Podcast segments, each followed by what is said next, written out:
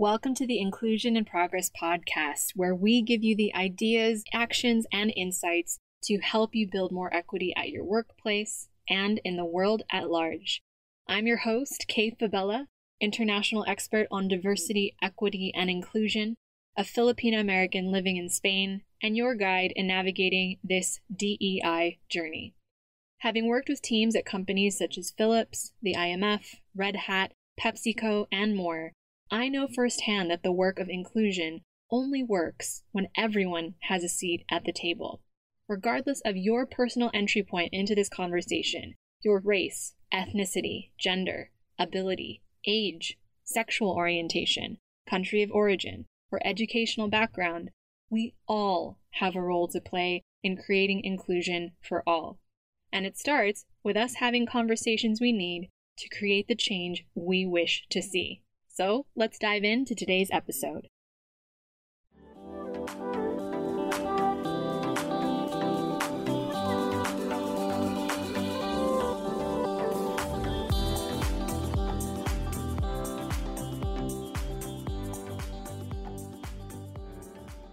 As this episode comes out in March 2023, we are beginning the official kickoff of International Women's Month.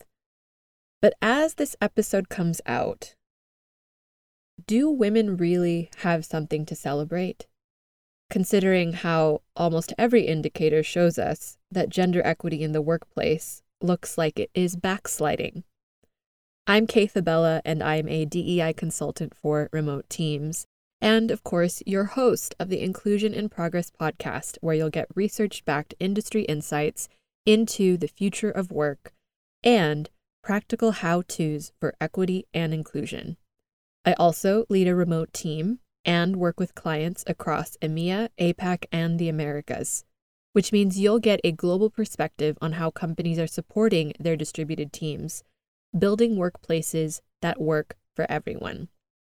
In this episode of Inclusion in Progress, we'll be discussing what it is that we lose when women leave the workforce and how we can fix that pipeline in our post pandemic landscape. So, if you've been listening to the podcast for a while and you like what we're throwing down, make sure you follow us on your favorite podcast app, whether that's iTunes or Spotify or Deezer, and leave us a review because it really does help get this content in front of other equity minded leaders in the workplace like you. Now, if you've been listening to the podcast for a while, you'll know that I'm originally from the United States, as you can tell by my accent. but my parents are from the Philippines, and I now call Madrid, Spain home. I've actually been living in Spain for going on my 13th year now which means that I often see the world and the news that I consume through multiple lenses.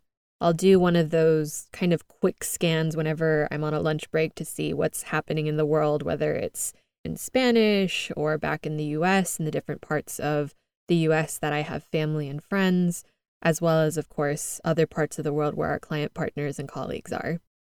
But like many immigrants, and if that's you listening, shout out, I see you the idea of home, or what we call home, or what feels like home, seems to slowly shift the longer that I'm away from the place that I was born.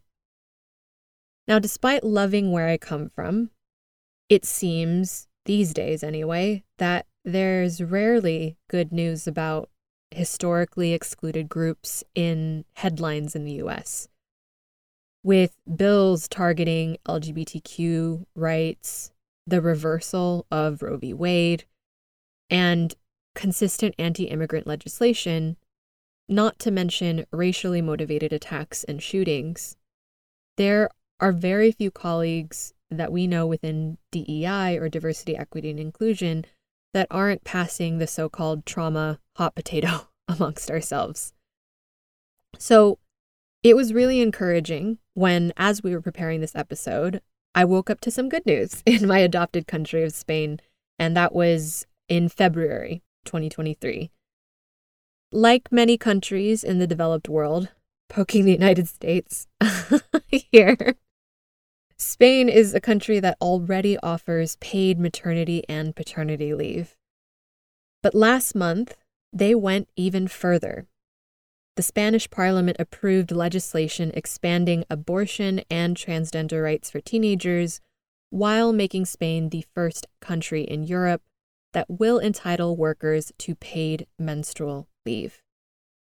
And I don't know about you all, but with good news feeling harder to come by in the gender equity conversation, this felt like a nice change of pace. I, I maybe did a fist bump or two.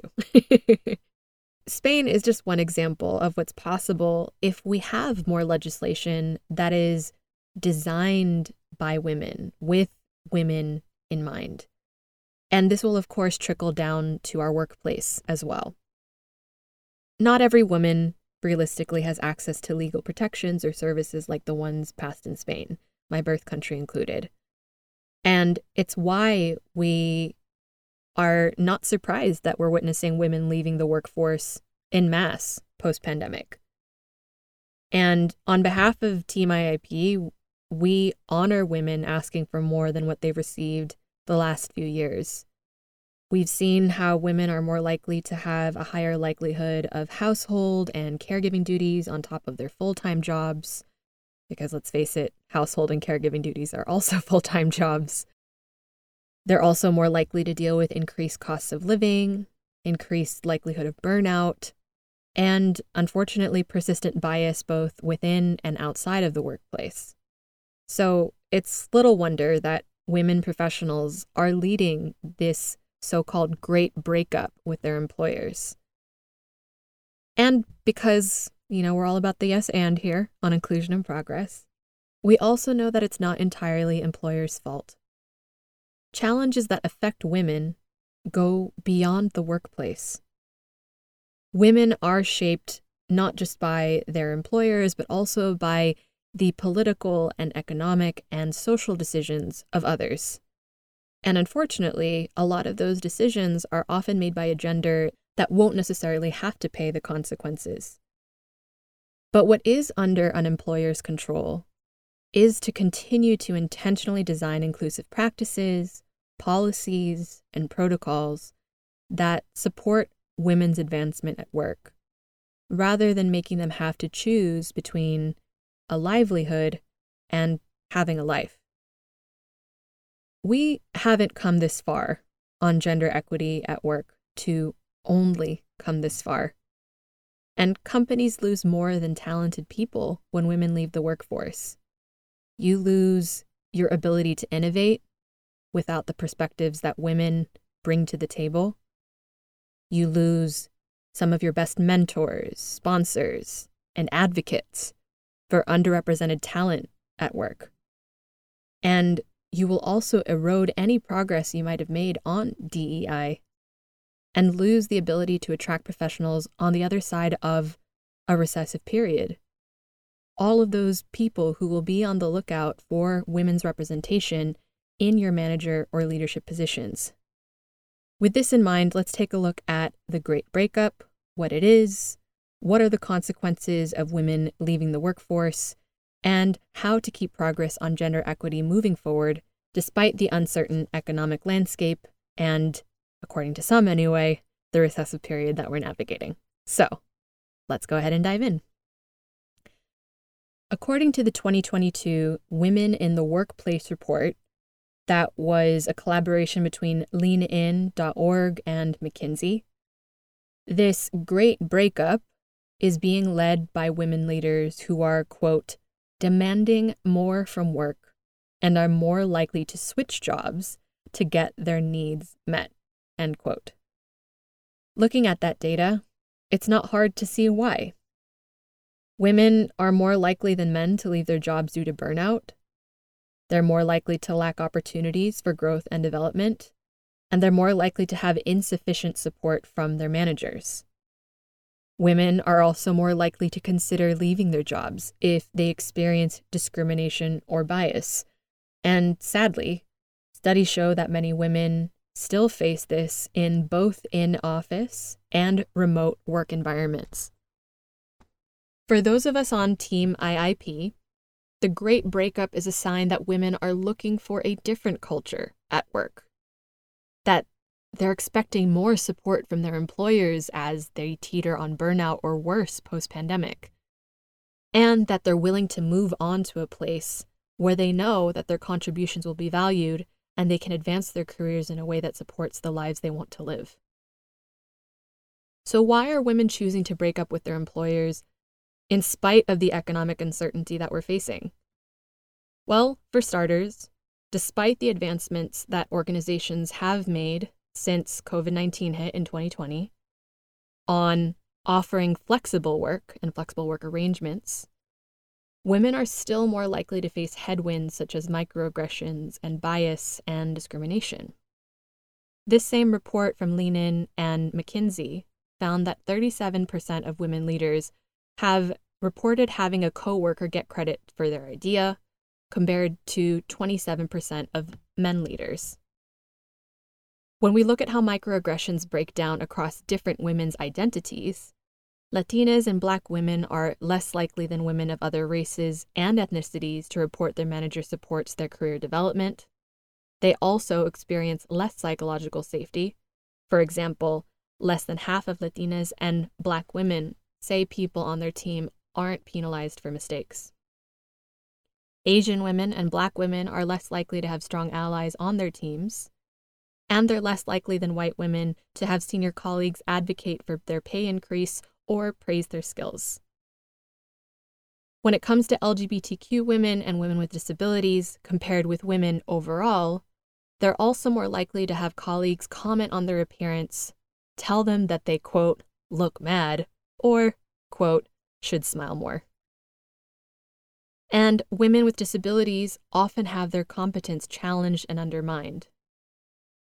Keep in mind that this data is obviously very US centric and US focused. I'm the first person to tell you that it is always going to be a challenge to gather data outside of my birth country, but we'll be sure to link to the full report in the show notes so that you can take a look yourself. So, with all of this in mind, it's little wonder that women continue to prefer flexible work options. It allows them to engage with their workloads and responsibilities without having to worry about mistreatment or microaggressions that they've been exposed to in shared physical workspaces. According to the same report, only one in 10 women wants to work mostly on site. And many women point to remote and hybrid work options as one of their top reasons for joining or staying with an organization.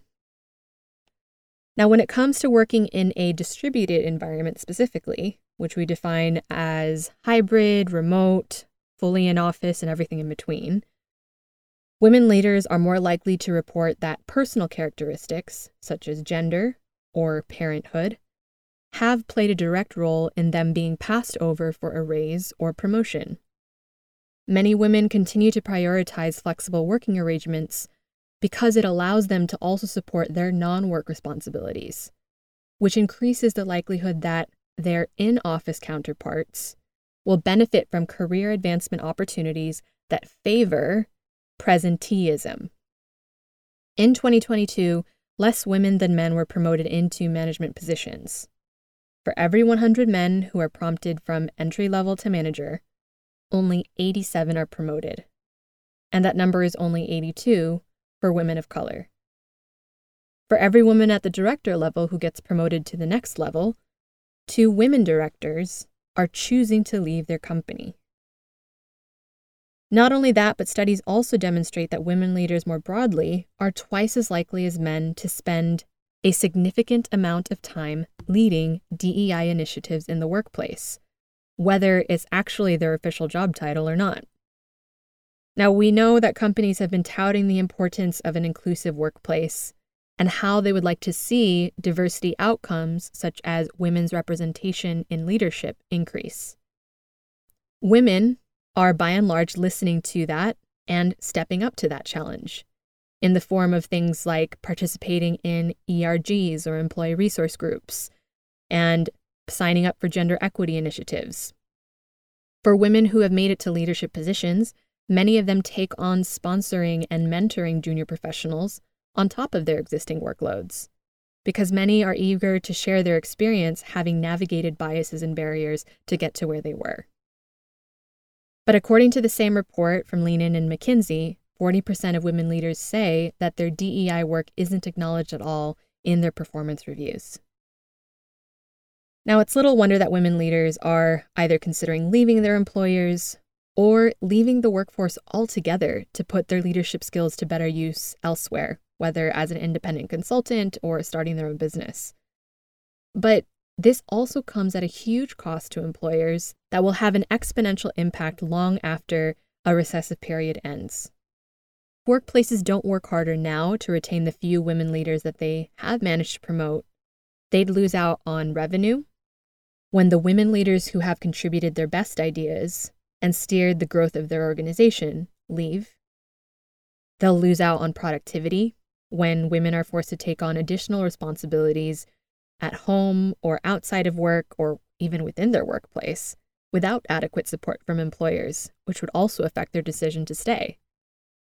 They'd also lose out on progress made on diversity and inclusion because we know that when women leave the workplace, it means they're less likely to mentor and sponsor underrepresented professionals as future leaders.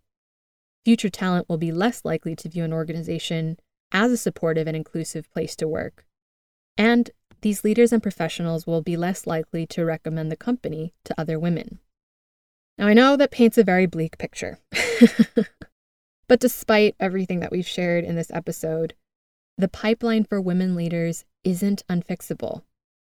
Thankfully, the solutions to support women remaining in leadership positions are things that employers already have at their disposal. Things that, if you have been investing in diversity, equity, and inclusion since it took center stage in 2020, you can continue to build upon. First off, organizations must continue to leverage DEI initiatives and training to achieve wider awareness of any barriers there might be to gender equity at work so that everyone, regardless of gender, in the organization continues to be held accountable to creating a more equitable and inclusive environment that benefits productivity, engagement, and morale. These can include things like mentorship or reverse mentoring programs, as well as sponsorship, bias training, and leadership development programs aimed at women. Being a manager that takes interest in the career progression and general workload of your women colleagues in the workplace is already a huge form of allyship. Research shows that when women have someone advocating for them, whether through a formal program or even just somebody in their corner in the workplace, it's more likely that they will move up the career ladder and pave the way for others to follow. Secondly, employers should continue to lean into flexible work that supports women's work life integration rather than strong arming men, women, and everyone in between back into the office. Looking at you, Elon Musk. We know that women who can choose to work in the arrangement that they prefer, whether fully remote or on site or somewhere in the middle, are less burnt out. They're happier in their jobs. And, surprise, surprise, they're much less likely to consider leaving their companies. And when it comes to designing for women with disabilities, working at home is actually healthier and more productive for them because it allows them to manage their environment to support things like mobility issues or chronic pain or mental health, which allows them to do their job more effectively. Not only is doubling down on flexible work promises that you've been making during this pandemic more likely to appeal to and retain your women leaders, it also encourages that they can continue to perform at their best so that you continue to support their career advancement at work. And that means they're also more likely to share their positive experiences at your organization with other women, both within and outside the company. It's important to remember that women aren't just roughly half of the global population. As a group, they encapsulate so many different identities that they can significantly represent and champion in the workplace. So, investing in women means that you're more likely to create the representation that you want to see for your organization to match the world that already exists outside its doors. Finally, an employer looking to keep their women leaders on board should be mindful of virtual performance bias. specifically when it comes to designing inclusive distributed work that centers gender equity. Now, we've discussed virtual performance bias before in episode 96 on the three hidden biases of hybrid work, so you should check that out when you get a chance. But suffice it to say that virtual performance bias affects how we perceive whether someone is working hard or doing their job effectively, because it's often influenced by the tech platforms that we're using to stay connected to one another while we're working in a distributed environment. For example, some remote workers are happy to remain online on Slack or Teams, whereas others may prefer to simply turn off notifications after a certain hour, which is no reflection on how hard they may or may not be working. So, being aware of and solving for hidden biases that can show up in a distributed workplace will remove perceptions around performance that may hinder women leaders from advancing their careers at your organization. Ultimately, investing in women doesn't just benefit one gender, it benefits all of us. And it's in our best interest to keep the women that we do have, fix the pipeline, and make sure that the leaders that stay today will continue to open doors for those to come tomorrow to continue to have your teams at their best. So, there you have it the great breakup, what it is and why it's happening what we lose when women leave the workforce, and ways that you can fix the pipeline and continue to retain and attract future women talent in a post pandemic world. Now, at Inclusion in Progress, we've always recognized the need to investigate barriers to psychological safety at the individual, behavioral, and organizational levels while navigating the reality of our post pandemic distributed world. Because we know that identifying how to remove those barriers allows organizations to create a sustainable work culture where employees, regardless of gender or identity, contribute their best ideas without fear of judgment, without fear of exclusion, ensuring an engaged, productive, and equitable work environment, no matter where employees choose to work from. We also know, because we've been on the front lines, that the last few years have been challenging for every organization to navigate. And it's important to provide resources that set you and your teams today and tomorrow up for success. To that end, we have released our 2023 white paper on the future of work culture How to Make Distributed Work Inclusive. You can download a copy on our website at inclusioninprogress.com forward slash learn or you can head to the link in the show notes of this episode to grab your copy.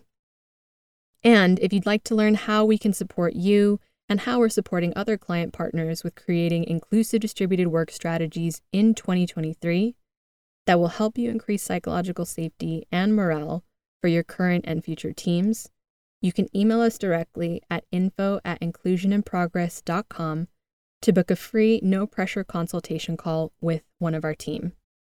As always, a huge thank you for listening. Thank you for sharing these episodes with others. And on behalf of a woman owned business, we'll see you next time on Inclusion in Progress.